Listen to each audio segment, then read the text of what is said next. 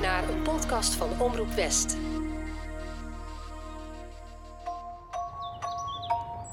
Ze was de stille burgemeester van Haastrecht. Eigenzinnig, soms verbitterd, maar ook een weldoener voor het dorp. Paulina Bisdom van Vliet. Wat liet zij Haastrecht na? Op het dorp gaan de wildste verhalen rond. Bij haar testament lag een geheimzinnig pakketje met brieven dat 100 jaar na haar dood geopend mag worden. En die dag komt steeds dichterbij. In deze podcastserie ga ik, journalist Liewe van Sloten, op zoek naar de erfenis van Paulina Bisdom van Vliet. Dit is Het Geheim van Haastrecht. Ze schreef brieven. Nou, daar dat er de honden geen brood van. Ja, dat meisje. ja. Naar dat meisje. En ik kan me wel voorstellen, zo'n vrouw heeft zelf geen kinderen gehad. En toch wel een, eh, ja, oh, misschien zelfs wel een beetje eh, ja, een eenzaam leven gehad. Eentje die, die kwam ik tegen en daar moest ik, moest ik gewoon echt om lachen toen ik las. Dat is uit een, een krantenbericht na overlijden. In aflevering 1 hoorden we al dat het verhaal van Paulina behoorlijk leeft op het dorp. Sommige Haastechtenaren hebben via hun ouders nog een link met haar. Zo bracht de oma van Nelly altijd karnemelkse pap langs bij Paulina. Of het verhaal van gymnastiekvereniging Olympia. Tot op de dag van vandaag krijgen zij jaarlijks nog geld van haar. Eerst 100 gulden, tegenwoordig 50 euro. Maar het beeld dat ik van haar krijg is wisselend. Ze is aan de ene kant iemand die betrokken en begaand is met de Haastrechtse gemeenschap. Maar aan de andere kant komt ze over als een ijzige en afstandelijke vrouw. Zo waren er mensen die tegen haar opkeken en uit angst hun hoed of pet afnamen als ze langs haar huis liepen. Ook al wisten ze niet eens of ze wel thuis was. Het maakt mij allemaal nog nieuwsgieriger naar haar geheim. Het geheimzinnige pakketje. Maar daarvoor moet ik eerst meer te weten komen over haar als persoon. Wie was zij nou echt? Wat weten we nou van haar? Laat ik teruggaan naar Nelly Gerritsen uit aflevering 1. Ik vertelde al dat zij af en toe op het toneel Paulina speelt. Zij zou toch meer van haar moeten weten. Ik, Johan Lefebvre de Montaigne, ben hier burgemeester van Haastrecht. En als zodanig bepaal ik wat er hier gebeurt. Ik kan niet tolereren dat jij, Paulina Bisdom van Vliet, probeert hier de lakens uit te delen. Je mag de lakens voortduren, dat wel. Beperk jij je maar tot je eigen werk, het huishouden. Lieve vechtgenoot, als ik zie hoe jij hier in Haastrecht huishoudt, voel ik mij genoodzaakt ook buiten mijn huishouden. Hoe is het om haar eh, te spelen? Ja, ik vind het echt fantastisch. Ja? Ja, Wat, wat is er zo, ja dat, dat- is toch om in dat huis te zitten en eh, dan eh, je gasten te ontvangen. En ja, ik kan dan daadwerkelijk die briefjes niet geven, maar eh, ja, ik, daar voel ik wel wat mee. Ik vind ook die, die tijd, die, die tijd is zo mooi in eh, 1900 met die mooie kleding. Mhm. En, ja. Ja, want daar ga je er helemaal voor. Hè? Je, je ziet er dan ook bijna uit als Paulina. Ja, nou die jurk, ik, eh, ik, heb, ik kende iemand die zat op naailes en die vond dat leuk om die jurk na te maken die ook boven tentoongesteld staat. Het is er haar. Ja, het zit op zo'n eh, schuimhoofd. Ja, is het echt haar? Ik dacht dat ze grijzer was. Het is wel heel bruin. eh, Ja, maar ik heb mijn eigen interpretatie. Nee, ze was een tut. Ze was echt Ja? een tut. Ja, ze zag eruit als een tut. Dit is de nagemaakte jurk. Maar kun, kun je deze kleren eens even beschrijven? Hoe ziet dit eruit? Wat is dit bijvoorbeeld? Dit is de onderrok, Ja. een hoepeltje. Ja, inderdaad, een soort hoepel, wit eh, En van dat kleur. was in een, er waren verschillende. En in de winter was dat heel dik. Het was een hele stevige eh, stof. En dit was in de, in de zomer. Ja. Maar, en waarom droeg ze zulke wijde rokken dan? Zo'n soort hoepel. Dat, dat was in die tijd de mode, denk ik. Op het laatst niet meer hoor, maar eh, het is een tijdje geweest Ja. dat ze dat droeg. En dit was haar bovenstukje. Dit is echt authentiek. Kijk eens, lieve Johan, ik houd van je. Maar ik kan het niet aanzien dat ze hier in de gemeente niet serieus nemen. Dus moet ik af en toe interveneren. Pardon? Moeilijk woord, hè? Ja. Wat ik ervan. Ik ben, ben natuurlijk een paar keer heb ik haar nu gespeeld. Dan ben ik in dat huis geweest. Heb ik daar gezeten. Dan denk ik dat ze best wel een heel goedwillende vrouw was. Want ze is natuurlijk heel vroeg weduwe geworden, op de veertigste. En eh, ze had inderdaad al die reizen gemaakt en ze had alles. Maar ze zat daar in dat huis in haar eentje. Nou, dat, dat, is, dat is niet leuk hoor. Als je haar speelt, eh, wat is een beetje haar karakter dan? Ik doe het altijd. Ik, ik, ik heb mijn eigen invulling erin en doe Ja. een beetje goeie wel. Wel, ja? Ja, en veel begrip. Ja. Ja. Ja, waar we het al over hebben gehad. Hè? Maar Dat, wel, eh, eh, ik ben wel een beetje autoritair, vind ik zelf. Oké, ja, Ja. Ja. En wat zijn nou eh, in die toneelstukken typische passages die je dan altijd doet? Wat, wat uit het verhaal laat je vaak terugkomen? Eh, dat ze, eh, wat, wat ik echt het aller, allermooiste vind, is dat ze die briefjes maakte. Met, en dat ze dat uitdeelde aan de, aan de vrouwen. Hè? Ja, Vond ik, dat vond ik al behoorlijk geëmancipeerd hoor. ja. Ja, zo van hier. En dan kan jij tenminste die mannen erbuiten laten drinken. Dat, dat is toch behoorlijk geëmancipeerd. Ja, ja, ja, ja. Kom maar binnen. Fijn dat jullie er zijn. Ik heb wat voor jullie, want ik moet wel zeggen, eh, ik heb gehoord dat jullie het heel arm hebben. En dat vind ik heel jammer. En dat doet me zeer. En daarom geef ik jullie allemaal een briefje. Kijk, hier staat op een kilo aardappelen, groente, fruit. En waarom geef ik jullie dat? Jullie kunnen hier gewoon mee naar de kruidenier gaan. Daar krijg je dat. En hij stuurt mij weer de rekening. Waarom geef ik jullie geen geld? Dat doe ik omdat ik weet hoe jullie mannen zijn. Jullie mannen, die willen gewoon al het geld hebben. Dan gaan ze naar de kroeg en dan drinken ze het allemaal op. En dan hebben jullie niks. Ja, Nelly is behoorlijk fan van haar. Dat moet ook wel als je haar met zoveel ziel en zaligheid speelt. Ze vertelt me over Cor van Zomeren. Hij staat in Haastrecht bekend als de dorpshistoricus en heeft meerdere boeken uitgebracht over de geschiedenis van Haastrecht. Ook schreef hij een boek over Paulina. Cor woont op het jaagpad en wil mij graag ontvangen met zijn vrouw Thea, die jaren in het museum als vrijwilliger werkte. Ik ga die kant op, maar ik weet nou niet of ik bij het goede nummer ben. Hey, voor Cor. Ik kom voor Cor. Nee, dat ben je verkeerd. Oh, Cor woont, nummer? Eh, Cor van Zomeren? Ja, Cor van Zomeren. Ja. Oh, nummer weet ik niet. Oh, ik dacht... Oh, ik zie het 45 inderdaad. Oh. 25. Eh, sorry. Hoi. Hoi.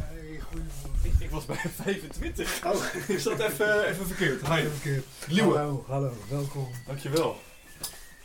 Zo. Even die tas eventjes hier neerzetten. Veel boeken.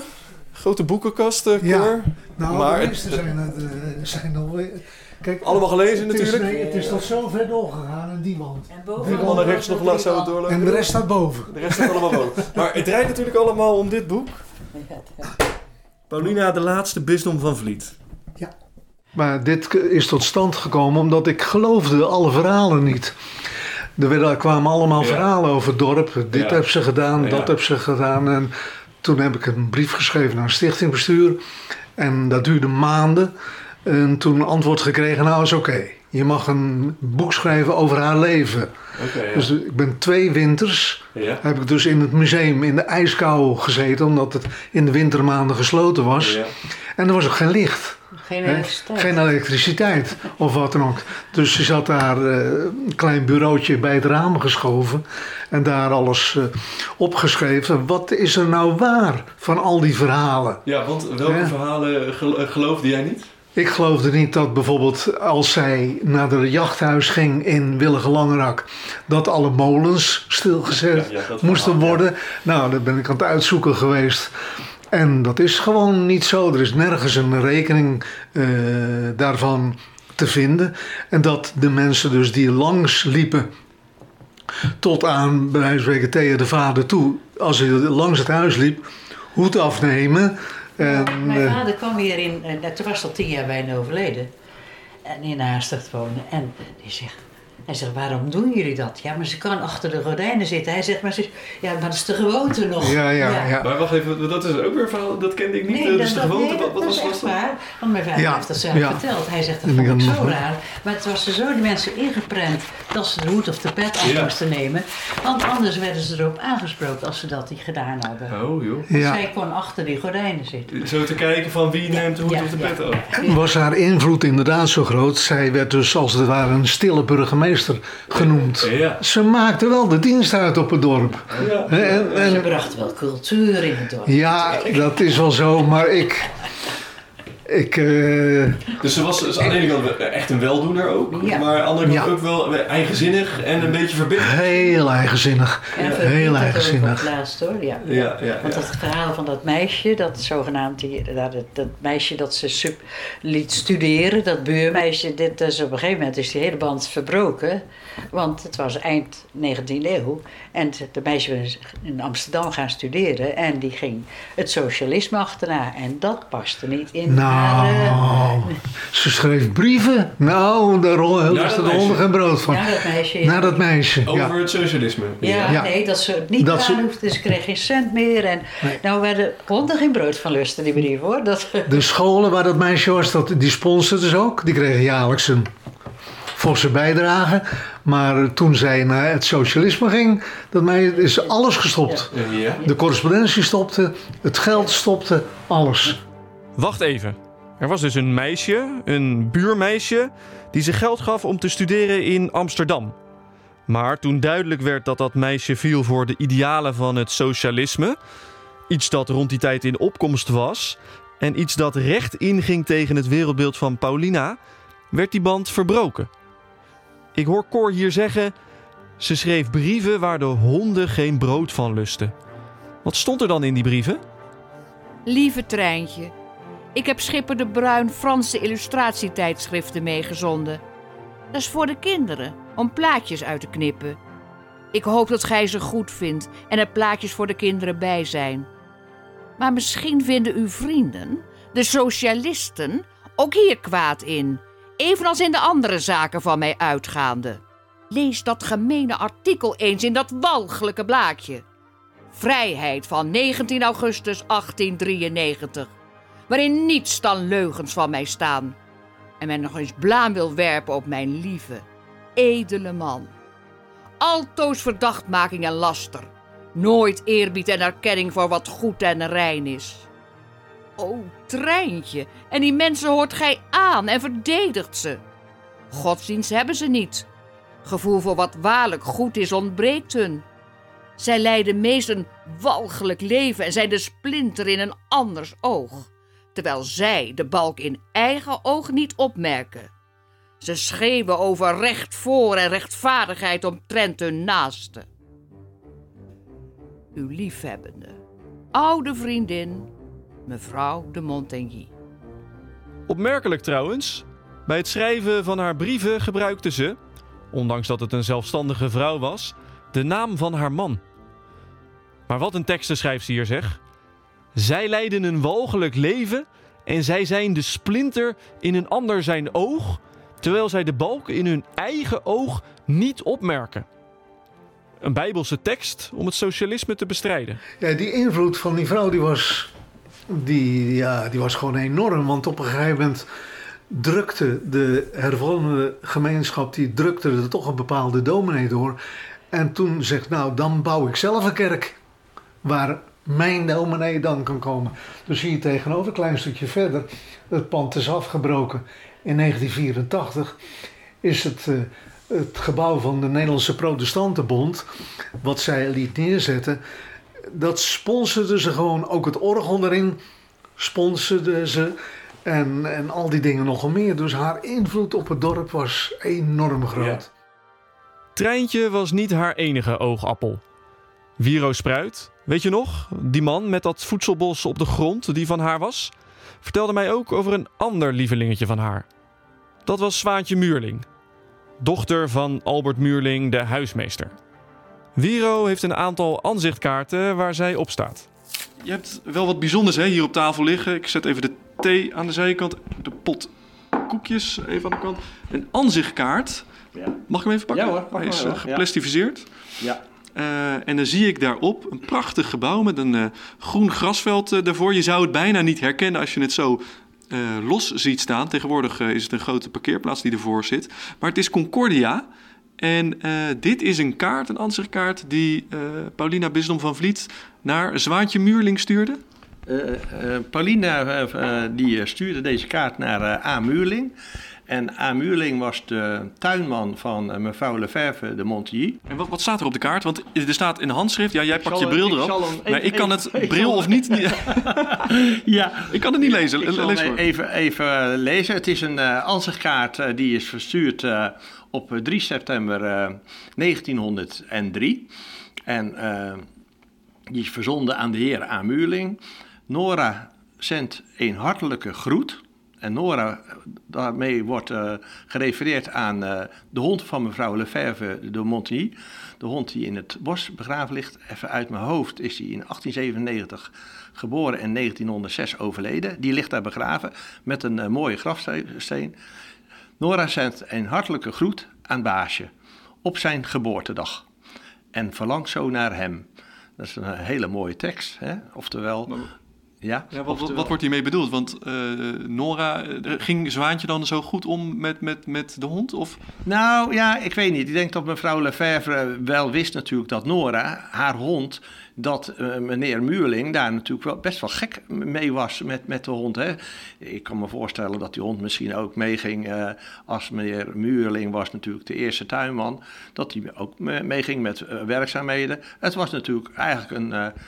ja, mevrouw Lefebvre, want die had zelf geen kinderen. Het was natuurlijk eigenlijk een, toch wel een verlenging, verleng, eh, een, een deel van de familie. Zo kan je het wel, denk ik, wel stellen. Ja. Nog heel eventjes over de, de betekenis eh, van deze kaart, een beetje samenvattend. Eh, het geeft dus maar aan, eh, Paulin- Paulina stuurde een kaart naar haar eh, huismeester, hè, meneer Muurling, ehm, met, met de groeten vanuit de hond. Eh, dat geeft ook misschien wel ook de, de banden aan, hoe zij ook wel omging met haar personeel. Hè? Want dat was de meneer Muurling natuurlijk gewoon ja. van haar. Ja, zij ging eh, inderdaad heel warm om met, met het personeel. En, haar- en de, de dochter van meneer Muurling, nou goed, dat, weet ik niet zelf, maar uit, eh, uit eh, overlevering verta- eh, vertaald eh, begrijp ik wel dat zij eh, dus dat zwaantje ook, omdat ze zelf geen kinderen had, dat was wel haar oogappel. En er is ook een ansichtkaart, die heb ik ook, dat mevrouw Lefebvre de Montigny met zwaantje in het bos op een stoel zit, met daarnaast zwaantje als haar nou ja, haar, haar lieveling toch wel. Kan Heb je die hier ook op tafel liggen? Die of, heb ik niet op tafel liggen, maar die kan ik wel zo even Ja, bijpakken. Zullen we die even pakken? Ja. Jij hebt hem gevonden in het andere boek. Ik heb hem gevonden. Kijk, dit is wel eh, de manier zoals mevrouw Lefebvre de Montigny zit. En dat zwaantje haar hand beethoudt. eh bij een hele grote boom. Eh, Want waar is dit? Welke boom is dit? Ik denk in de overtuin, hè? Dit is eh, de, de hele grote boom in de overtuin. En dan de boom als je de overtuin ingaat aan je rechterhand. Zeg maar, dat was een, eh, een, ro- een rode beuk. Ja. En Paulina zit voor die boom en heeft inderdaad de hand vast van een klein meisje in het wit. Ja. Dat is Zwaantje. Dat is Zwaantje, ja. En een Zwaantje met een eh, zo'n klein wit mutsje op en een mooi, mooi rokje aan. En ja, dat, als mevrouw Lefebvre de Montigny dus in 1923 is overleden, zal een, misschien rond 1910 geweest zijn of wat dan ook. Hierop zien eh, was mevrouw Lefebvre de Montigny al geen, geen jonge vrouw. Het kan En, en wat, wat zegt dit eh, over haar relatie met Zwaantje dat ze daar van, van die foto zelfs ansichtkaart heeft laten maken? Ja, ik denk wel dat ze daarmee aangaf dat ze wel veel van, eh, van Zwaantje hield. En ik kan me wel voorstellen, zo'n vrouw heeft zelf geen kinderen gehad. En toch wel een, eh, ja, oh, misschien zelfs wel een beetje eh, ja, een eenzaam leven gehad. In het dorp was Paulina echt een belangrijke vrouw. Maar was Paulina eigenlijk anders dan andere mensen van haar klasse? Hoe leefden de welgestelde families in die tijd? Paulina was niet van adel, maar gedroeg zich wel een beetje zo. Ik heb even wat zitten googelen en volgens mij moet ik zijn bij John Topfer. Hij is van de stichting Adel in Nederland. Ik mail hem voor een interviewverzoek. Al snel krijg ik een enthousiaste mail terug. Ik ben welkom bij hem in Kampen. Goedemorgen. Goedemorgen, hi. John. Zo, het was even een eindje rijden, maar dan zijn we er ook. Nou, mooi dat je er bent. Zo, ik ga hier zitten, woonkamer. Oh, lekker warm. Is eh, geen eh, bisdom van Vliet hier, maar we doen ons best. Ja, wel een beetje een authentieke stijl. Ik zie eh, een oud beeldje voor het raam, een oude houten kast, veel boeken ook. Ja, je moet toch een beetje bijblijven. dus boeken mogen niet ontbreken in het interieur. Kan ik je misschien koffie of thee aanbieden? Ja, lekker bakje koffie. Oké, ga ik voor je regelen. Oh, en ik zie ook een koektrommel. Ja, tuurlijk. Ja, mag dat? hoort erbij. Ja, mag wel. Kijk, de leesbril ligt al klaar, printje meegenomen, laptop eh, opengeklapt. Ik heb even wat boeken van Paulina ook meegenomen. Dan kunnen we nu beginnen. Dan kun je wat vertellen over hoe eh, families als eh, de Paulina Bistom van Vliet, hè, hoe, hoe zij leefden in die tijd. Wat, deden zij? wat deden ze in hun vrije tijd? Nou, wat opvallend is, dat families met rijkdom in die tijd over heel veel vrije tijd eigenlijk beschikten. Men had natuurlijk het beheer van de bezittingen. Men had soms bestuurlijke functies. En zoals de vader en ook eh, de echtgenoot van Paulina Bisdom, eh, die waren burgemeester van Haastrecht. Maar in de praktijk zal dat niet heel veel tijd hebben gekost. En eh, men was vooral sociaal actief. Contacten met familie, met bekenden. Men ging over en weer bij elkaar op bezoek. Men werd uitgenodigd om te komen eten. En eh, voor, de, voor de dames, zoals Pauline, zou ook eh, gegolden hebben dat ze zich intensief bemoeiden met het huishouden. En dat kon zelfs, eh, soms zelfs zo ver gaan dat ze ook actief deelnam in de zin van het, het toezicht houden op het boontjesdoppen. Ik weet niet hoe chic zij zichzelf vond. Maar met name op, het platteland bij, bij de deftige families, daar konden de dames zichzelf inderdaad nog bemoeien met wat er in de keuken gebeurde. Lieve beste Mientje. Voor het eerst heb ik vandaag eens een ogenblik of wat om te schrijven. We maken een prachtige reis, Mientje lief. En ik geniet met volle teugen. Mama maakt het ook zo heel goed. En het lange zitten gaat best. En mama ziet er perfect uit en is opgeruimd. Ook papa en wij zijn heel wel. De eerste drie dagen hebben wij 36 uur gespoord. Vandaar spoorden wij naar Genève en vandaar reden wij in een open rijtuig naar Chamonix. Dat was me een reisje. Ja, dat, eh, dat kwam toen eigenlijk op. Eh, het, het bekende reisje langs de Rijn. Eh, het was eerst dichtbij, Duitsland. En dan uiteindelijk in, in de 19e eeuw zie je dat de elite steeds verder weg op reis gaat. Eh, de mensen worden natuurlijk ook mobieler. Eh, dankzij het eh, treinnetwerk in Europa kon men ook ver- verder en sneller ergens komen. Dus dat past wel in een patroon, ja. Je weet veel hè, van de adellijke families, de welgestelde families van, van, van die tijd door de jaren heen. Nu je haar ook een beetje bestudeerd hebt, wat valt je op aan Paulina Bisdom van Vliet? dat zij voor haar tijd een ongelofelijke zelfstandige vrouw is geweest, die precies wist wat zij wilde. En eh eentje die, die kwam ik tegen en daar moest ik, moest ik gewoon echt om lachen toen ik las. Dat is uit een, een krantenbericht na overlijden. Dat zij, eh, eh, zij bepaalde dat er 500, jaar per, eh, 500 gulden per jaar aan het tractement, het salaris van de dominee, bijgedragen moest worden. Maar er was wel een voorwaarde, mits de predikant vrijzinnig is. En dat vond ik zo mooi, want daarmee zet ze wel heel duidelijk de toon. Geeft ze duidelijk aan van, oké, eh, ik vind het goed dat de dominee ondersteund wordt, maar wel op mijn voorwaarden. En het moet niet iemand zijn die geleid wordt door hele stre- strenge, sterke dogma's, maar hè, wel je, je eigen verantwoordelijkheid nemen. En op basis van eh, nou, je eigen inzichten moet je eigenlijk je leven leiden. En dat moest zelfs de dominee doen. Eh, ik heb veel Haastrechtenaren gesproken. Eh, die zijn eigenlijk laaiend enthousiast nog steeds. hè, Zo'n 100 jaar na haar dood laaiend enthousiast over haar. Hoe, hoe, hoe kan je nou ver- verklaren, want ze was best wel een bijzondere persoon, heel eigenzinnig. Maar hoe, hoe, hoe verklaar je dat zij eigenlijk nog steeds zo populair is? Ja, ik denk eh, een vrouw, eh, een hele zelfstandige vrouw, eh, die wist wat ze wilde en dat ook eh, duidelijk liet merken door eh, die bepalingen, zoals ik het net noemde in het testament met, met het, het tractement van een dominee die vrijzinnig moest zijn. Ze had een, hele duid- een heel duidelijk eigen standpunt, een eigen visie en nam wat dat betreft ook geen blad voor de mond. Dus ik denk dat dat mensen wel heel erg aanspreekt. Ja, dus dat zij echt een persoonlijkheid was. Ja, een persoonlijkheid. Ja, en daarnaast dat ze zich ook heeft ingezet voor de, voor de gemeenschap op allerlei manieren. Ik denk dat dat mensen wel heel erg aanspreekt.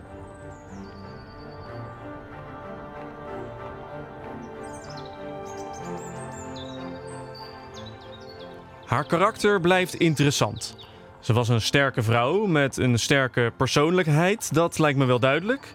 En dat was bijzonder voor die tijd, maar ze was ook kwetsbaar.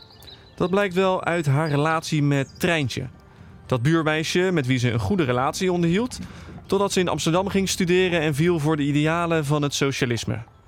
Kennelijk had Paulina wel de behoefte aan een jonge vriendin. Misschien omdat ze zelf geen kinderen had. Later werd Zwaantje, de dochter van huismeester Muurling, haar nieuwe oogappel. Haar geld besteedde ze sociaal, maar niet zonder voorwaarden. Bijvoorbeeld aan het salaris van de dominee. Wat zegt dit allemaal over haar geheimzinnige nalatenschap?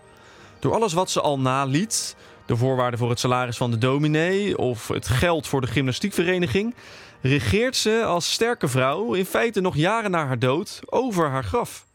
Zouden er brieven in het pakketje zitten die daar veranderingen in brengen? Iets waardoor haar reputatie verandert. Dat het helemaal niet om geld gaat, zoals volgens mij half Haastrecht denkt, maar om een groter geheim. Ze was eenzaam, ze was heel lang weduwe, een buitenechtelijk kind, een stille aanbidder, of zou het iets te maken hebben met haar oogappel Zwaantje? Misschien leren we straks via het pakketje nog veel meer over dat unieke karakter van haar. Nu ik dit weet, vraag ik me af wat er verder nog is. Hoe kom ik dat te weten? We hebben een aantal verhalen gehoord, maar nu wordt het tijd om te kijken of er nog sporen van haar zijn. Welke voetafdrukken heeft ze nagelaten in Haastrecht? Tijd om naar haar oude huis en park te gaan. Ik ga op zoek naar wat er nog over is van Paulina in Haastrecht.